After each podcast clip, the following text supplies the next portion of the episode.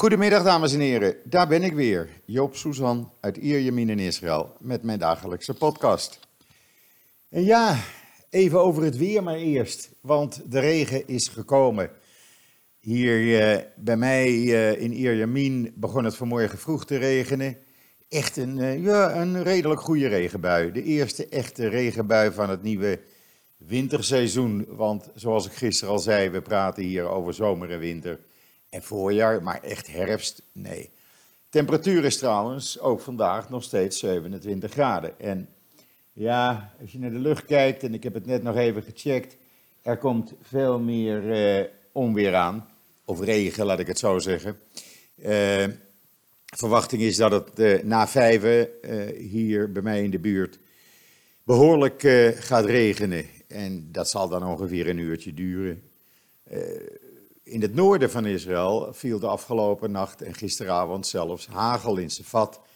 Uh, viel een behoorlijke hoeveelheid hagel, maar dat is in die hoge gelegen gebieden. Daar is het altijd kouder, de lucht. En uh, ja, dan heb je grotere kans op hagel. Maar het betekent dat echt het regenseizoen gelukkig is begonnen. En zoals ik gisteren al zei, de gebeden met Sukkot en uh, Simchat Torah afgelopen maandag zijn verhoord. En dat valt me elk jaar weer op. Uh, elk jaar vallen Simchat Torah en Sukkot op een andere datum vanwege de Joodse kalender. Er zit altijd een paar weken verschil in. En uh, het maakt niet uit uh, op welke datum, maar de eerste regen komt echt na die gebeden. En ja, dan kan je zeggen, ja, ik geloof daar niet in. Maar ik maak het toch elk jaar weer mee. daarvoor regent het eigenlijk zo goed als niet. Eh, als er wat valt, dan eh, is dat meer vochtigheid die eh, naar beneden komt. Dan dat het echt een regenbui is. Maar de, de, de, echte regenbuien, ja, die beginnen allemaal naar Sukkot en Simchat Torah. En dan even wat politiek nieuws, want vanavond gaat het dan uh, gebeuren. Krijgt Benny Gans om acht uur onze tijd officieel het mandaat van president Rivlin om een nieuwe regering samen te stellen. Of het hem gaat lukken, uh, ik weet het niet. Uh, velen hopen het. Blijkt ook uit een enquête. Want er is een enquête verschenen van het Israel Democracy Instituut. U kunt het lezen op joods.nl natuurlijk. 46, uh, ruim 46 procent wil uh, Benny Gans als premier. 53,5 procent zegt op dit moment, en die enquête is verleden week gemaakt, dat Netanyahu moet aftreden. Uh, als hoofd van de Likud, dus ook als uh, premier. Uh, 65% van de Likud-aanhangers vindt dat hij moet aftreden op het moment dat hij wordt aangeklaagd. men vroeg ook of er steun is voor een eventuele relatieovereenkomst, stel dat net jou niet wordt aangeklaagd. Er blijkt dat 56% uh, een dergelijke overeenkomst wel ziet zitten. Uh, ook zegt 56% van uh, de ondervraagden dat eigenlijk we naar een politiek systeem moeten hier in Israël. dat steunt op twee grote partijen. Een derde van de ondervraagden is daar weer op tegen. En dat zijn met name de leden van de ultra-orthodoxe partijen. Want die zien dan hun, hun macht verschrompelen en uh, de, de kleine rechtse partijen. Um, Ten slotte werd er nog gevraagd of men op dezelfde partijen zou stemmen. Stel dat er nu weer een derde verkiezingsronde aankomt, wat niemand hoopt.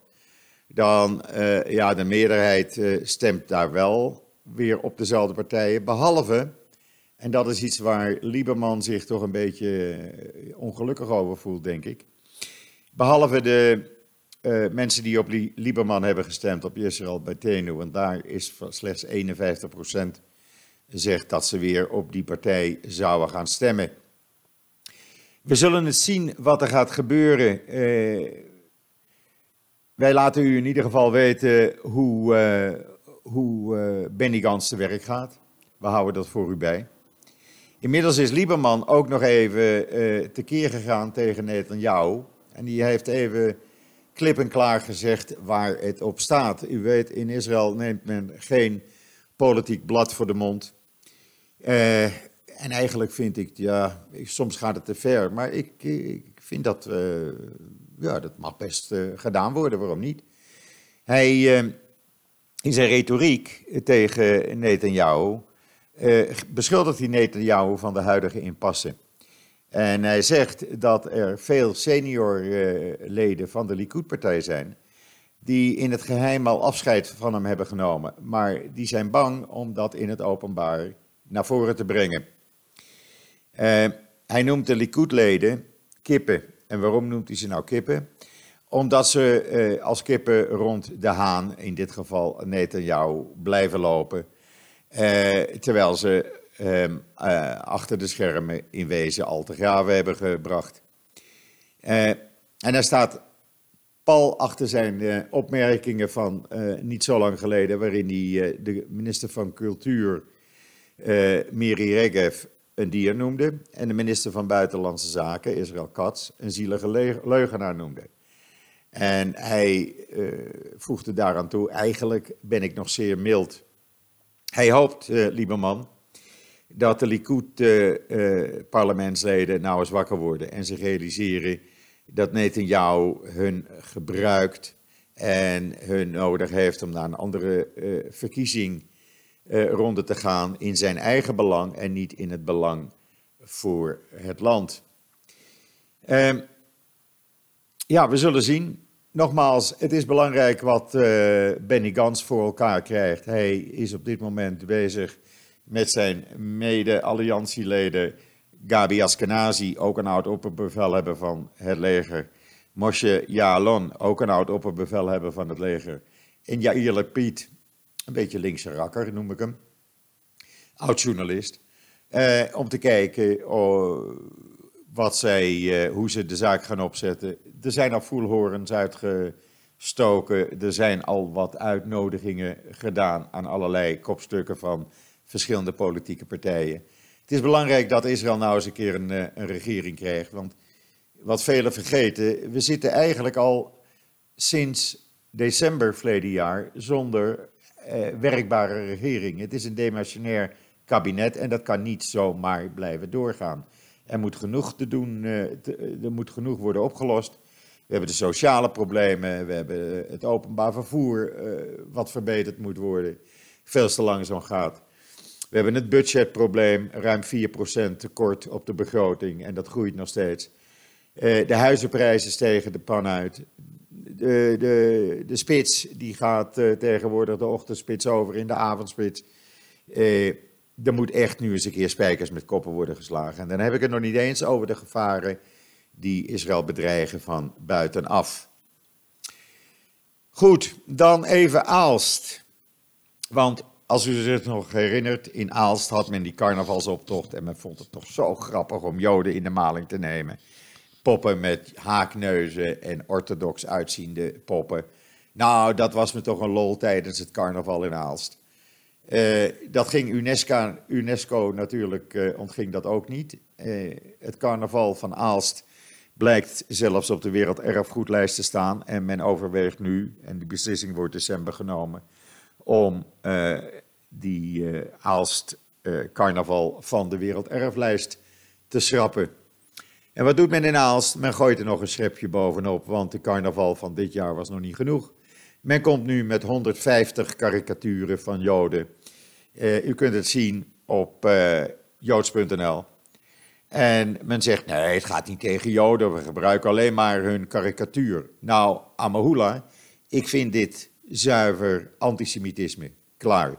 Meer kan ik er niet van bakken. En ook Hans Knoop, die eh, voorzitter is van, eh, of woordvoerder is van het Forum van Joodse Organisaties in België, heeft grote kritiek. Uh, sorry, hij zegt, we konden bij de afgelopen carnavalstoet nog wel ergens een beetje begrijpen dat men de impact, impact op de wereldwijde Joodse gemeenschap had onderschat, zegt Hans Knoop. Maar dat er nu opnieuw afbeeldingen van Joden, stereotype uh, afbeeldingen met een haakneus en hoede en uh, de zijlokken, weer worden gepresenteerd en men weer een stap verder gaat, dat is een pure provocatie. En dit zijn cartoons en dit zijn poppen met onvervalst antisemitische insteek, met, zegt Hans Knoop. Nou, ik ben het volledig met Hans in deze zaak eens. En ik hoop, als u het artikel gelezen heeft en de foto's gezien heeft op joods.nl, dat u eh, er net zo over denkt. Want uh, de ontwerper, hij beweert dan wel geen, uh, dat er geen gore zaken worden afgebeeld. Maar die man gebruikt exact dezelfde antisemitische stereotype afbeeldingen die tot het concentratiekampen en gaskamers hebben geleid. Eh, want dezelfde soort afbeeldingen verschenen in de jaren 30 in Der Sturmer, het naziblad, bij uitstek.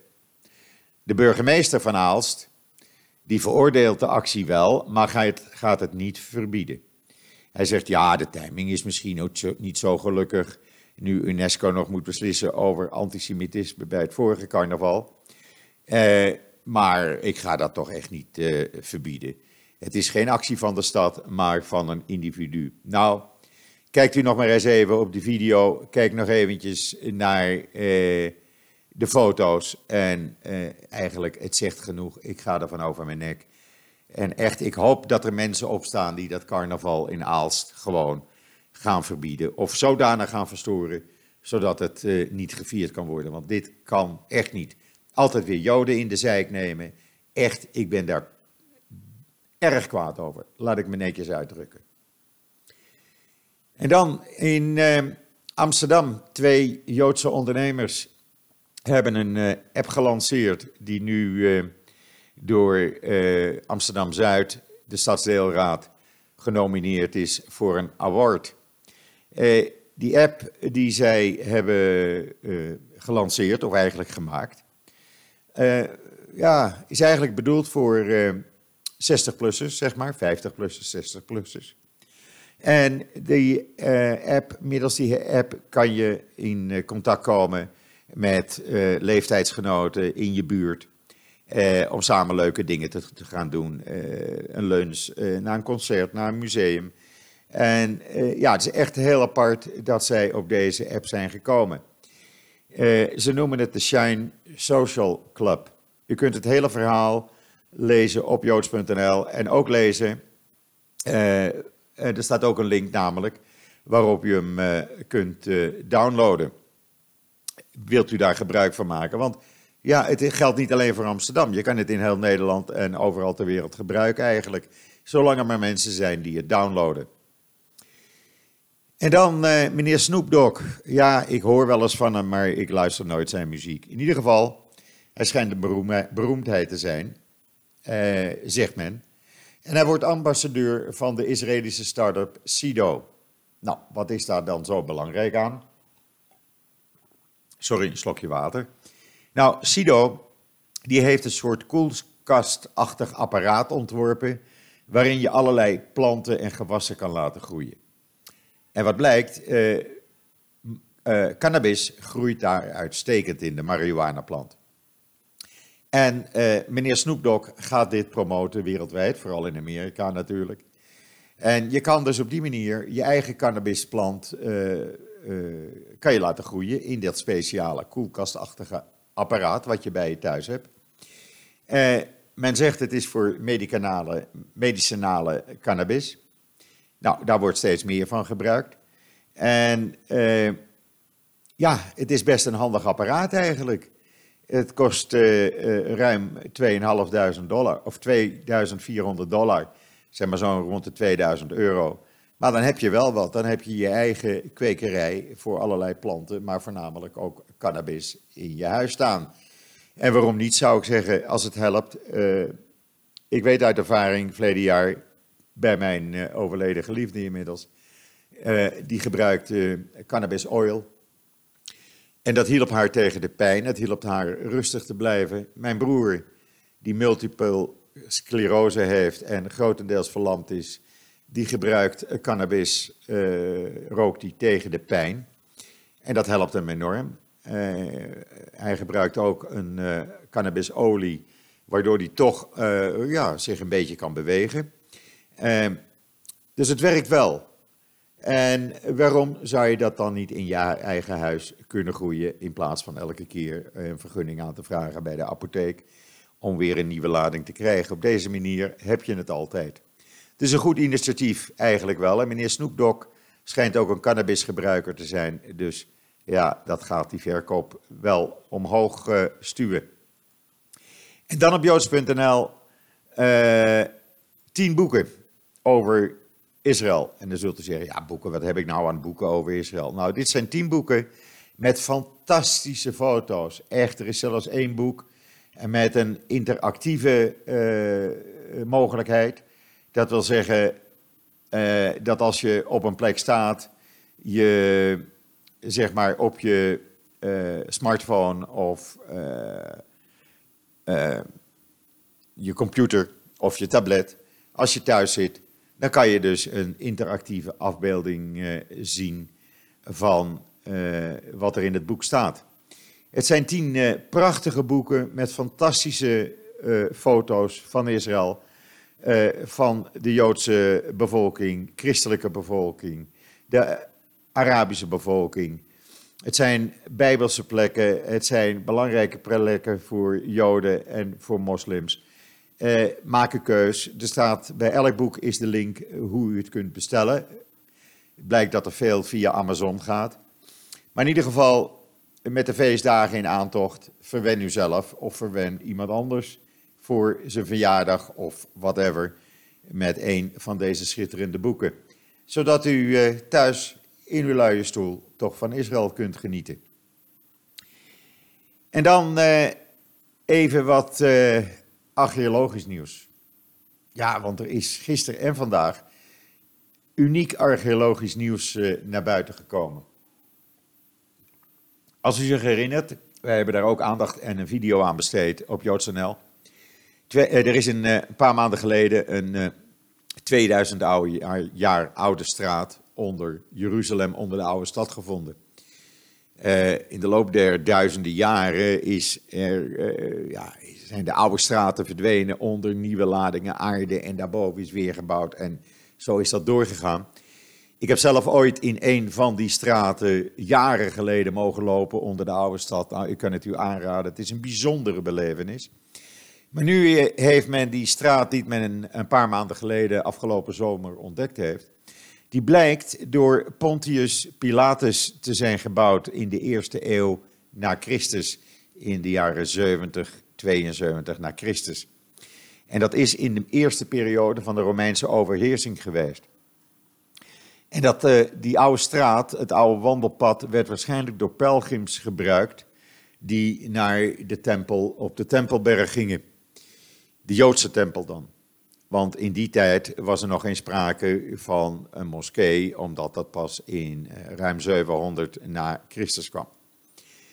Uh, hoe komt men daar toe? Hoe weet men dat het ook door Pontius Pilatus is gebouwd? Nou, eh, na de opening van die tunnel is men nog even verder gaan zoeken, want men stopt dan niet. En men heeft 100 munten gevonden onder de straatstenen. Eh, en die munten dateren uit het jaar 31 na Christus. Eh, en dat levert een sterk bewijs op dat de straat werd gebouwd door Pontius Pilatus, de Romeinse gouverneur van de provincie Judea. En hij is vooral bekend bij eh, de christenen als degene die het proces tegen Jezus voorzat en uiteindelijk beval hem te kruisigen. Um, dat 202, 220 meter lange gedeelte, dat is nu opengesteld. U kunt het volgend jaar gaan, uh, gaan lopen. Uh, de hele weg loopt tussen de Sil Siloampoel uh, in het zuiden naar, zeg maar, onder de Tempelberg. En beide mo monumenten zijn dus belangrijk voor zowel de Joden als de christenen. De Tempelberg, die wordt al, al duizenden jaren vereerd door de Joden natuurlijk, omdat daar ooit de eerste en tweede tempel hebben gestaan. Als u eh, even naar het artikel op joods.nl eh, gaat, daar ziet u ook een foto, een kleurenfoto van een gedeelte van die straat. En u ziet ook de munten die daar zijn opgegraven. En dan is vanmorgen het nieuws bekend geworden, en dat hebben we uitgebreid op joods.nl, besteden we daar aandacht aan met veel foto's en een video. Men heeft eh, ten zuiden van uh, Jeruzalem in Bet Ramat Bet eigenlijk, heeft men een 1500 jaar oude kerk gevonden. Versierd met spectaculaire mozaïekvloeren en Griekse inscripties. Eh, maar er was ook één mozaïekinscriptie waarbij uh, staat dat de kerk gebouwd is ter ere van een niet nader genoemde glorieuze martelaar. Men is nog steeds aan het onderzoeken wie die glorieuze martelaar dan wel zou moeten zijn. Want de kerk werd gebouwd en later zelfs uitgebreid onder beschermheerschap. Daar zijn ook de bewijzen van gevonden. Dat ziet u in joods.nl. Van de Byzantijnse keizer Tiberius II. Uh, en men uh, is al drie jaar bezig uh, uit te zoeken hoe het nu komt wie die naam eigenlijk is. Wie is die glorieuze martelaar? De opgravingen onthullen overblijfselen van een indrukwekkende Byzantijnse kerk. niet alleen de, de mozaïeken zijn spectaculair, maar ze zijn ook nog eens ingewikkeld ontworpen met bladeren, fruit, vogels, geometrische elementen. Nou, kijk de foto's er maar op na. En men heeft ook de trappen gevonden naar de crypte. Uh, die, uh, die uh, zeg maar, mededelingen gevonden over de glorieuze martelaar. Ja, niemand die het weet. Niemand wie het weet. Er is het bewijs dat de Byzantijnse keizer hierbij betrokken was, omdat zijn adelaar in een mozaïek is afgebeeld. men heeft ook tot nu toe enig bekende doopvond in de vorm van een kruis gevonden. De enig bekende in de wereld. Het is gemaakt van een soort kalkietsteen.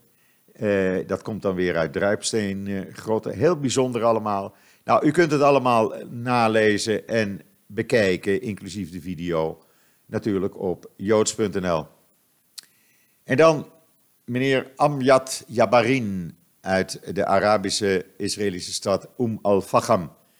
Is veroordeeld tot 16 jaar cel, want hij had de, twee, de drie terroristen geholpen die in juli 2017 twee Israëlische politieagenten op de uh, Tempelberg doodschoten. En het bleek dat hij eh, dus uh, ja, hand- en spandiensten verrichtte en de autoriteiten niet in kennis heeft gesteld. Integendeel, meneer deed zelf nog van harte mee.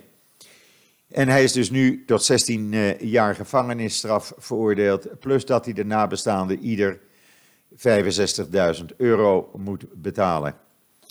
Uh, die zijn we dus voorlopig even kwijt. En 16 jaar in Israël is ook echt 16 jaar, vooral voor terroristen. Over terroristen gesproken, in uh, het museum, in het Archeologisch Museum in San Rafael.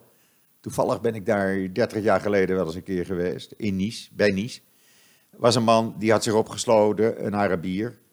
Die hebben ze inmiddels gepakt. Hij dreigde de hele boel op te blazen. Nou ja, het zal wel een verwarde man zijn geweest.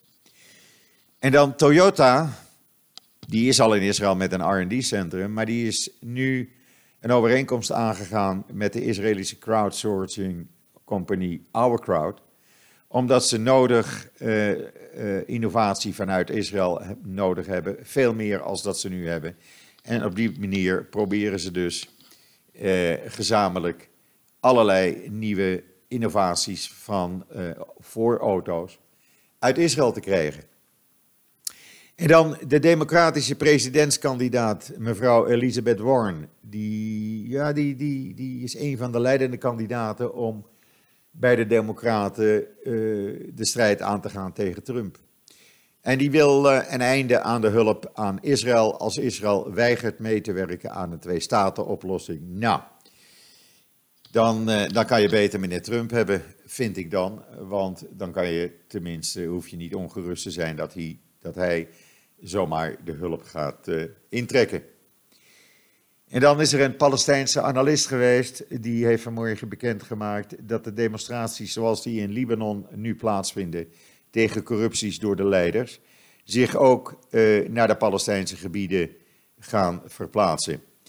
Inmiddels is daar uh, in Libanon wordt er nog steeds gedemonstreerd. Het richt zich nu ook tegen Hezbollah. Uh, en eigenlijk niet onlogisch. En ik vind dat prima. Laat de bevolking maar opstaan tegen Hezbollah.